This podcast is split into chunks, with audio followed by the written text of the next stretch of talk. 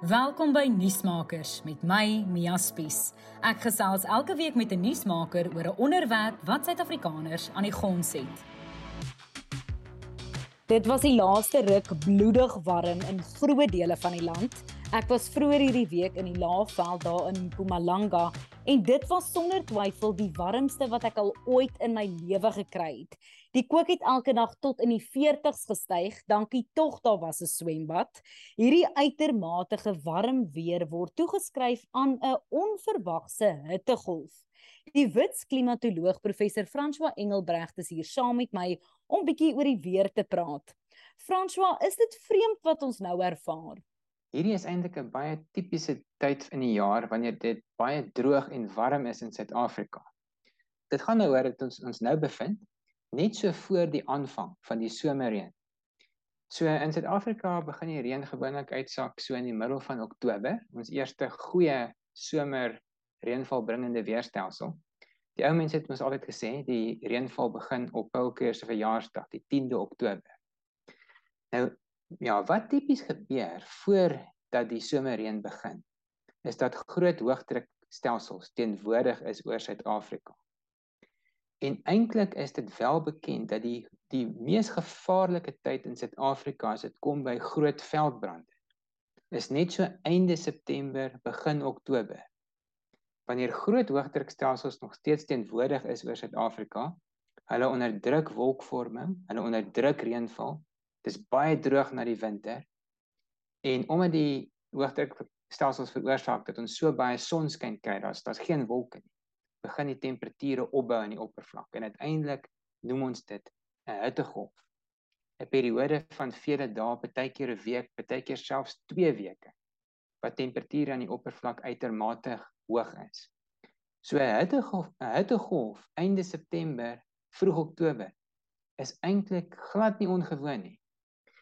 Dit is wel so dat hittegolwe besig is om al hoe meer intens te word. Hulle word sterker as gevolg van die kweekhuiseffek as gevolg van die effekte van globale verwarming. So as ons hierdie spesifieke hittegolf wat nou voorgekom het wetenskaplik sou ondersoek, gaan ons waarskynlik bevind dat hy 'n bietjie meer intens was en 'n bietjie hoër temperature veroorsaak het as wat normaal is. Maar die voorkoms van hittegolf self hierdie hierdie tyd van die jaar is eintlik glad nie ongewoon nie want dit is nou al eintlik 2 weke lank of daar rond wat baie provinsies en dis mense van oor die land kla oor hierdie verskriklike hitte. So dit is bietjie langer as gewoonlik sou jy sê op die oomblik wat ons ervaar en ons het nou gehoor dit is gewoonlik hier met Paul Kreer se verjaarsdag. Dit is so my verjaarsdag ook. Het hierdie reën nou al gekom of hou ons nog asem op?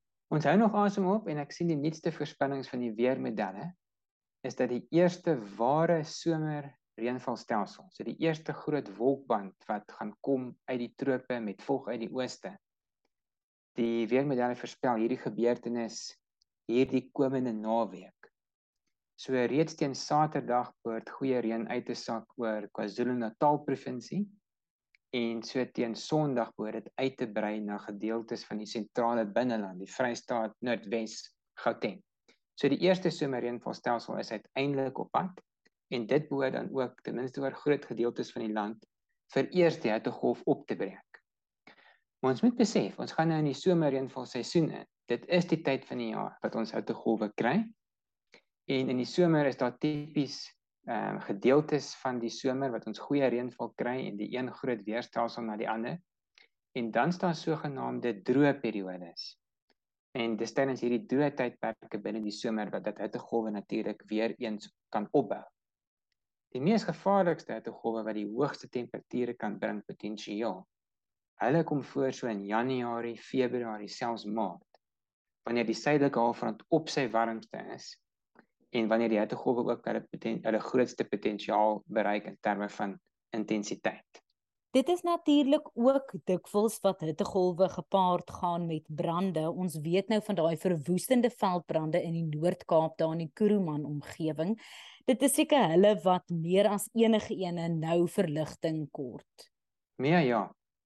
Hierdie somer het ons geweet as klimatoloog dat ons 'n besondere hoë gevaar gaan hê in Suid-Afrika vir groot uh, weggolfveldbrande om om plaas te vind. Die rede hiervoor is Ons het nou alreeds twee goeie La Nina somers na mekaar gehad. So dit beteken ons het twee, die afgelope twee somers het bo normale reënval gehad oor die grootste gedeeltes van die binneland van Suid-Afrika. En dit beteken die gras het baie goed gegroei en in die savannas het die bome goed gegroei. Oor die algemeen is die plante groei in 'n goeie en welige toestand. Maar natuurlik, dit was nou net winter gewees. Tydens die winter vind ons die natuurlike proses waar tydens die grasse eers uh eers ryp kry en dan uitdroog. En dit beteken ons bereik altyd die somer wat volg op 'n voorafgaande La Niña somer met 'n groot hoeveelheid plante materiaal wat potensieel kan brand. Die plante die, die plante groei is droog na die winter. En nou as ons 'n groot hittegolf kry aan die einde van die winter en net voor die somerreën reënval kom, dan weens die hoë temperature en weens die verdere uitdroging van die plante groei is die potensiaal vir weggoldveldbrande die heel grootste. Boonop het hierdie hittegolf aan die oppervlak gelei tot die waai tot die voorkoms van noordwestewinde. Noordwestewinde is droog. Hulle waai hulle waai vanaf Botswana suidwaarts in die Noord-Kaap in en in die Noordwes provinsie en die Vrystaat in. En dit is daai kombinasie van 'n droë wind aan die oppervlak gepaard gaande met hierdie hoë temperature wat dan die groot potensiaal skep vir weghol veldbrand. Ons weet nou natuurlik die klimaatberaad COP27 is om die draai. Wat is die groot fokus hierdie jaar? Dat dit warmer en droër word is 'n feit. Ons almal voel dit en sien dit. Wat is julle fokus daar? Ek weet dit hou jou natuurlik ook druk besig. Ja, maar ja, elke jaar sien ons natuurlik met groot verwagting uit dat die volgende fase van die Verenigde Nasies se klimaatsveranderingsonderhandelinge, die sogenaamde konferensie van die partye hierdie jaar die groot deurbraak gaan bring waarvoor ons wag. En gewoonlik is ons maar redelik teleurgesteld aan die einde van die konferensie. Dit gaan by hierdie konferensie oor eerstens die twee groot aspekte van klimaatsverandering. Die een is die vermindering van kweekhuisgaskonsentrasies want ons het steeds 'n kans vandag as die mensdom om die proses van globale verwarming te vertraag en dit uiteindelik hopelik heeltemal stop te sit. So die eerste ding waarna ons altyd kyk by die konferensie van die partye is watter lande maak nuwe en sterker verbintenisse in terme van hoe hulle hulle kweekhuisgasemissies gaan verminder.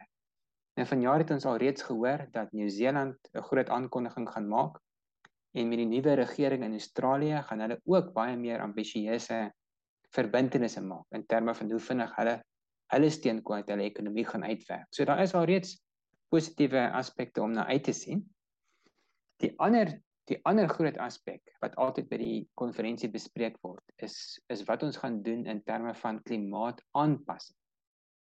So ons ons werk ons leef nou al reeds in 'n wêreld waar klimaatsverandering al reeds 'n effek het op ons daaglikse bestaan daar's al hoe meer impakte van ekstreme weergebeurtenisse soos hittegolwe en ook vloede op die ekonomie van lande.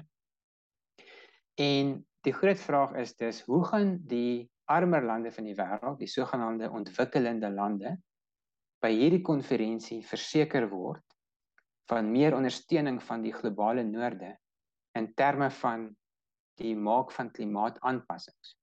Meer dit gaan hier oor finansiering.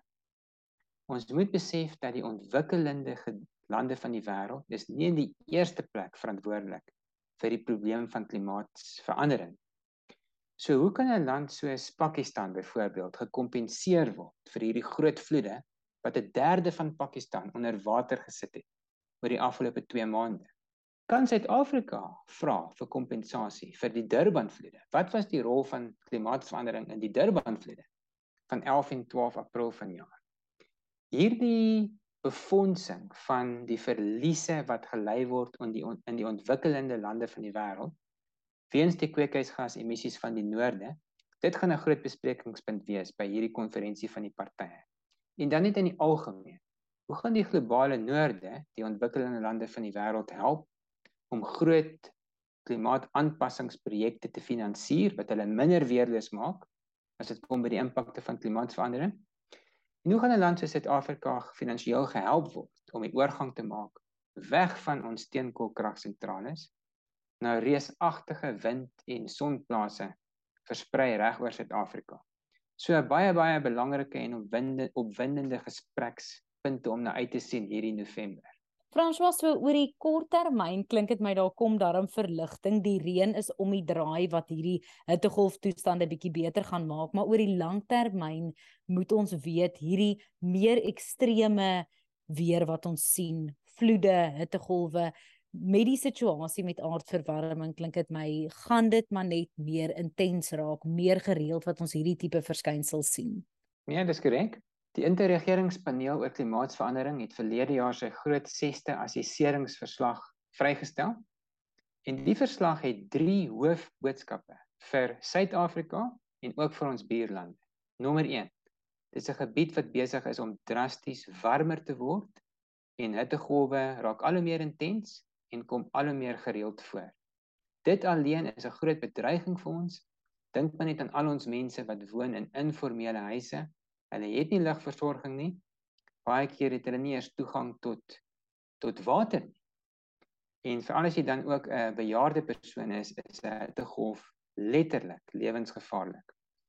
Dis die eerste belangrike boodskap. Die tweede een is dit is 'n gebied wat besig is om alreeds al hoe droër te word. So die groter Suid-Afrikaanse gebied, Namibië, Botswana, Zambië, Zimbabwe, Suid-Mosambiek, Suid-Afrika, Dis 'n gebied waar ons reeds kan sien oor die laaste 50 jaar het reënval totale geleidelik afgeneem. Maar ten spyte daarvan het ons die derde boodskap van die interregeringspaneel vir ons streek. In die oostelike gedeeltes van Suid-Afrika en dan verder noordwaarts in Mosambiek kan ons alreeds sien die aantal swaar reënval gebeurtenisse wat vloede kan veroorsaak is geleidelik aan die toeneem. Hoe warmer die wêreld word globaal, so so so die proses van globale verwarming voortduur hoe vinniger gaan ons streekstemperature toeneem saam met die hittegolwe hoe vinniger gaan ons in die algemeen droër word maar ten spyte daarvan hoe meer gereeld gaan ons swaar reënval gebeurtenisse gebeurtenisse sien wat vloede vloede veroorsaak in die oostelike gedeeltes van Suid-Afrika Die positiewe gedeelte van wat ek nou genoem het is die wetenskap help ons om 'n goeie idee te hê van watter risiko's ons mee te doen gaan in die volgende 10 jaar en die volgende 20 jaar. So nou is dit in ons hande om aan te pas vir hierdie veranderings tot in die grootste mate wat ons wat ons kan aanpas. Nuusmakers met Mia Spies is 'n produksie in samewerking met die Potgooi Produksiehuis Volume. Ons vervaardigers is Roland Perolt en Kairen Blau. Moenie volgende week se episode misloop nie wanneer ek weer by 'n kenner aanklop om lig te werp oor 'n kwessie waaroor ons meer moet weet.